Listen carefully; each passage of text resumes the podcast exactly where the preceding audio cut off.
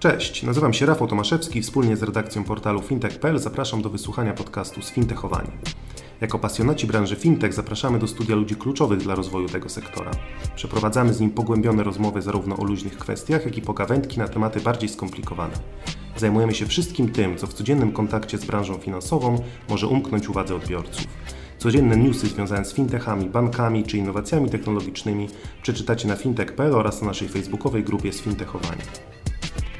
Dzień dobry Państwu, z tej strony Łukasz Piechowiak, redaktor naczelny fintech.pl. Zapraszam Państwa na wyjątkową rozmowę, bo moimi gośćmi w pierwszej części był Pan Przemysław Furlepa, wiceprezes BNP Paribas, a w drugiej części moim gościem jest Pan Stefan Batory, współzałożyciel Booksy. Dzień dobry. Dzień dobry, witam Pana, witam Państwa.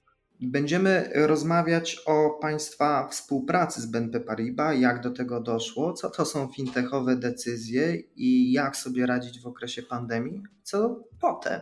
Ale zanim przejdziemy do meritum naszego podcastu, czyli być może nawet również tych elementów zawierających jakieś anegdotyczne sformułowania, muszę zadać pytanie mojemu gościowi to samo, które zadaję wszystkim innym. To jest tutaj demokratyczna już e, demokratyczna zasada. A mianowicie, kim pan chciał być, będąc nastolatkiem? Bo przypomnę, wciąż nie wierzę w to, żeby którykolwiek z moich rozmówców, będąc młodym bardzo człowiekiem, chciał kiedykolwiek pracować w sektorze fintech, bo tego sektora po prostu w tym czasie nie było.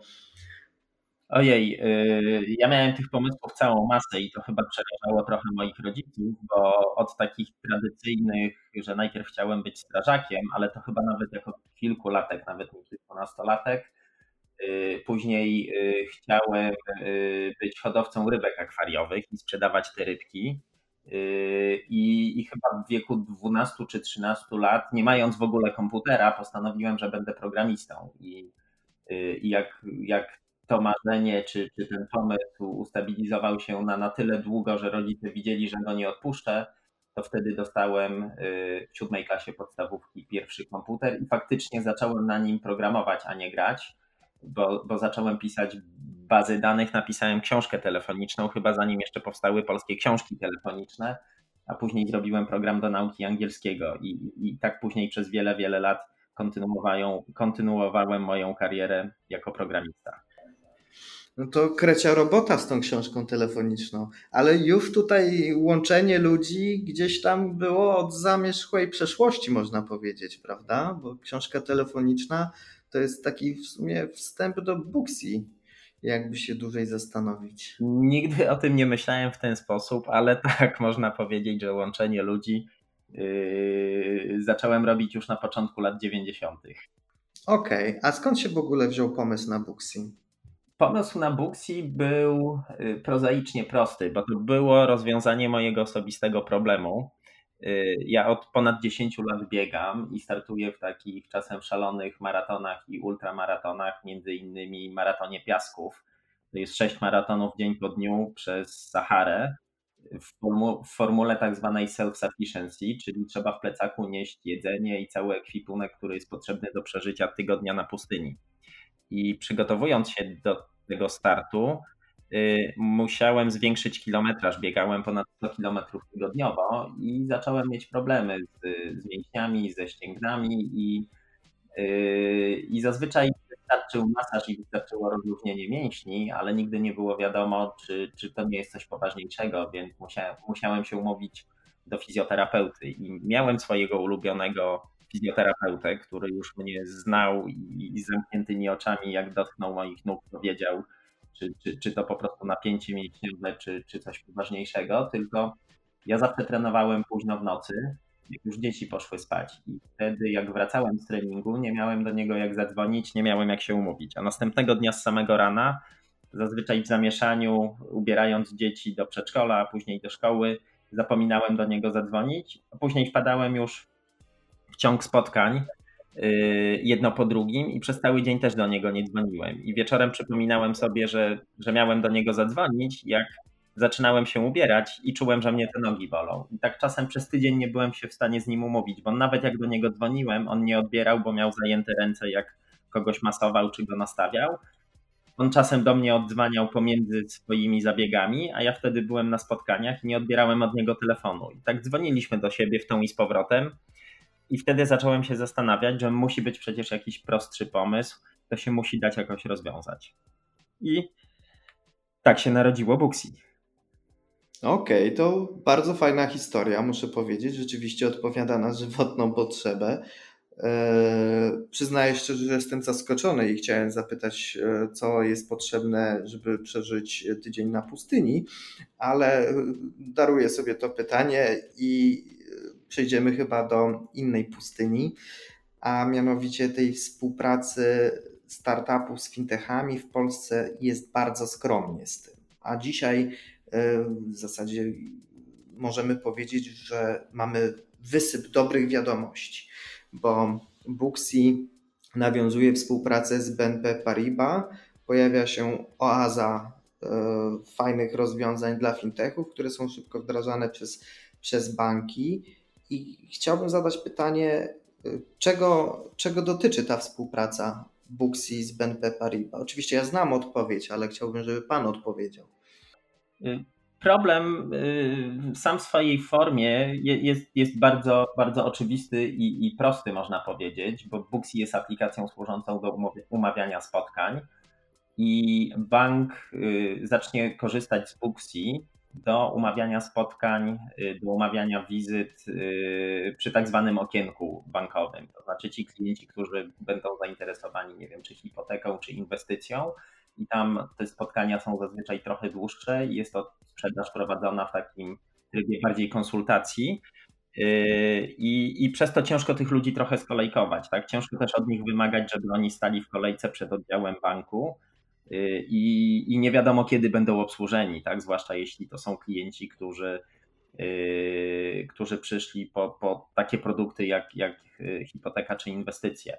Więc no przez... i wchodząc Panu w słowo, z własnego doświadczenia mogę powiedzieć, że umawianie się przez telefon y, z doradcą kredytowym na przyjazd do domu, bo to nie zawsze się odbywa w oddziale, czy, czy, czy gdziekolwiek, to, to też jest droga przez mękę i przypomina trochę historię z tym fizjoterapeutą. Więc takie rozwiązanie jak, jak umawianie spotkań w banku przez, przez osobną aplikację jest rzeczą no, chyba pożądaną. Też mamy taką nadzieję i tak nam się wydawało, jak, jak y, formułowaliśmy na początku y, zasady tej współpracy, bo nawet przed pandemią, która w pewien sposób wymusiła trochę zmianę sposobu myślenia wielu firm i wielu organizacji, które muszą od nowa jakby zdefiniować ramy tego działania, wydawało się, że to może być jakiś pomysł, który, który się sprawdzi, a po prostu to, co się teraz dzieje, tylko przyspieszyło, przyspieszyło te zmiany na całym świecie. To ustalmy teraz yy, pryncypia, jak to mawiał Himmelsbach, czyli współpraca z BNP i BNP Paribas i Booksy polegać ma na tym, że będą klienci mogli się umówić e, z doradcą e, kredytów hipotecznych lub e, z kwestiach inwestycyjnych w oddziale banku przy użyciu aplikacji Booksy, a nie na przykład wejść do oddziału i korzystając z polecenia pracownika banku umówić się na wizytę u fryzjera, bo już takie się mogą pojawić e, w przypadku waszego partnerstwa no w sumie fake newsy. Yy, dokładnie tak.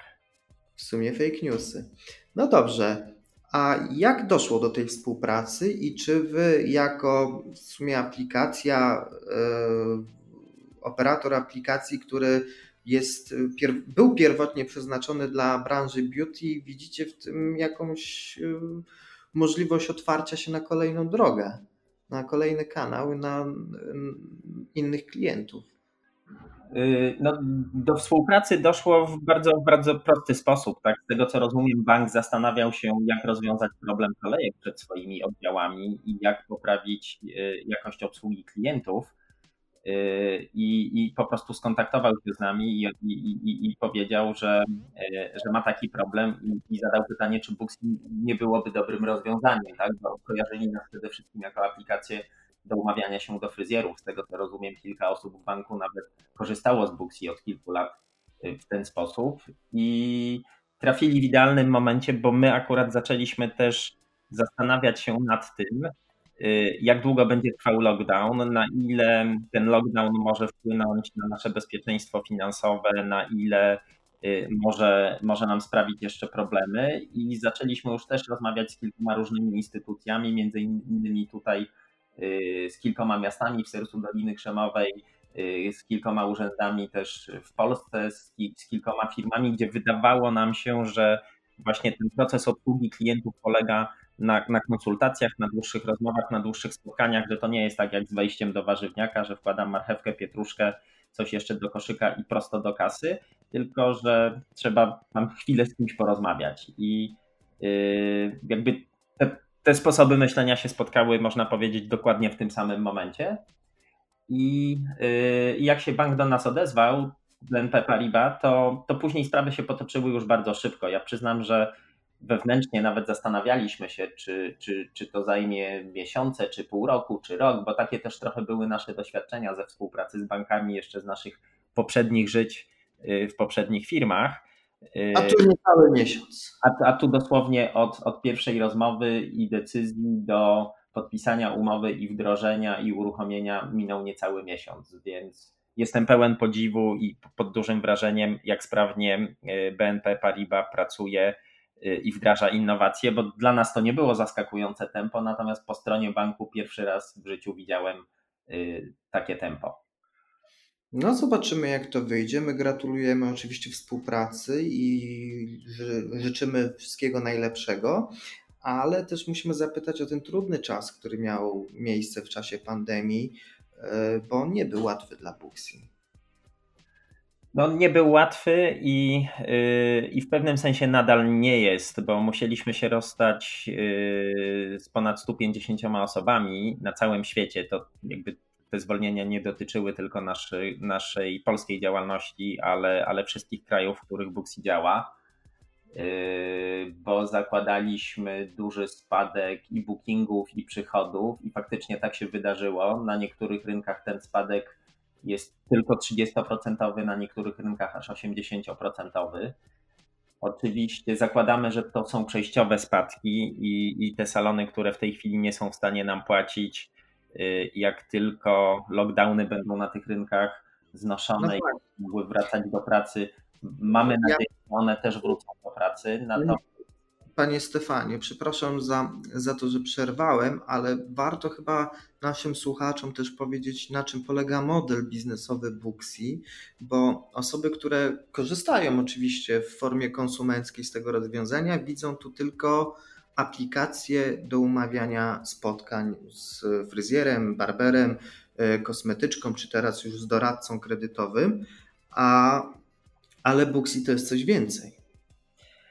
Booksy jest takim systemem do zarządzania salonem i oprócz zarządzania kalendarzem i wizytami oferuje również wszystkie funkcje takiego, można powiedzieć, systemu mini ERP i CRM w jednym, czyli zarządzanie bazą klientów, marketingiem, stanami magazynowymi, to jest również point of sales, y, czyli, czyli salony mogą przez niego robić sprzedaż, Y, rejestrować tą sprzedaż, wewnętrznie ją rozliczać, naliczać prowizje dla pracowników i wiele, wiele innych y, rzeczy. I model biznesowy jest prosty. Salony nam płacą miesięcznie tak zwaną subskrypcję za korzystanie z rozwiązania. To rozwiązanie jest utrzymywane przez nas w tak zwanej chmurze. Salony nie muszą nic u siebie instalować, inwestować w żaden sprzęt, mogą po prostu zalogować się na, komputerze, na tablecie, na telefonie y, i w dowolnym miejscu y, na Ziemi korzystać y, z systemu.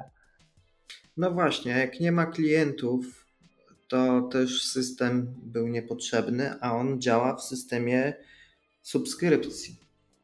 Może, może nawet nie tyle nie był potrzebny, bo część salonów wiemy, że wykorzystywała też Booksy do utrzymania relacji ze swoimi klientami Y, albo oferowała im konsultacje online, natomiast wiele z tych salonów po prostu nie mogło sobie pozwolić na opłacenie abonamentu i zwracało się do nas z prośbą o, o, o zawieszanie płatności albo wręcz o rezygnację i zakładali, że jak tylko lockdown się skończy, to oni będą te subskrypcje wznawiali. Natomiast niezależnie od tego, czy oni rezygnowali formalnie, czy po prostu zawieszaliśmy te subskrypcje, to po prostu przychodów y, przez ostatnie dwa miesiące Od, od wielu z tych salonów, od większości z tych salonów nie było, albo, albo były one bardzo mocno ograniczone.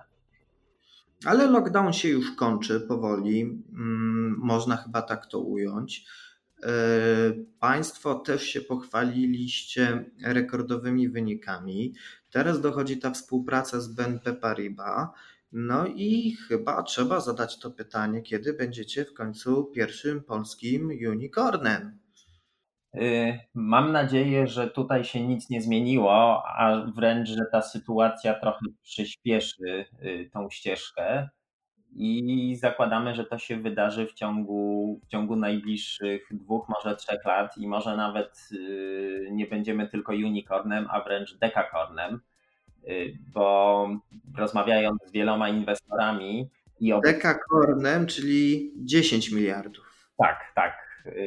Deka, deka 10. Y, mamy takie wewnętrzne przekonanie, że y, jak to się uda, to tak naprawdę miliard nie będzie, nie będzie żadnym wyzwaniem, czy nie będzie żadną barierą, bo rynek przede wszystkim amerykański, na którym działamy, ale też w Wielkiej Brytanii, czy w Hiszpanii, czy w Brazylii, to są olbrzymie rynki i właściwie ta spółka mogłaby być unicornem na każdym z nich, a, a, a w Stanach dekakornem tylko musimy te, musimy y, te rynki oczywiście wygrać, tak? I, I, to jest najtrudniejsza część zadania, więc jak nam się uda, to tak naprawdę to może być dużo większa firma niż sobie dzisiaj wszyscy wyobrażamy. Wygrać, bo na każdym z tych rynków macie konkurencję.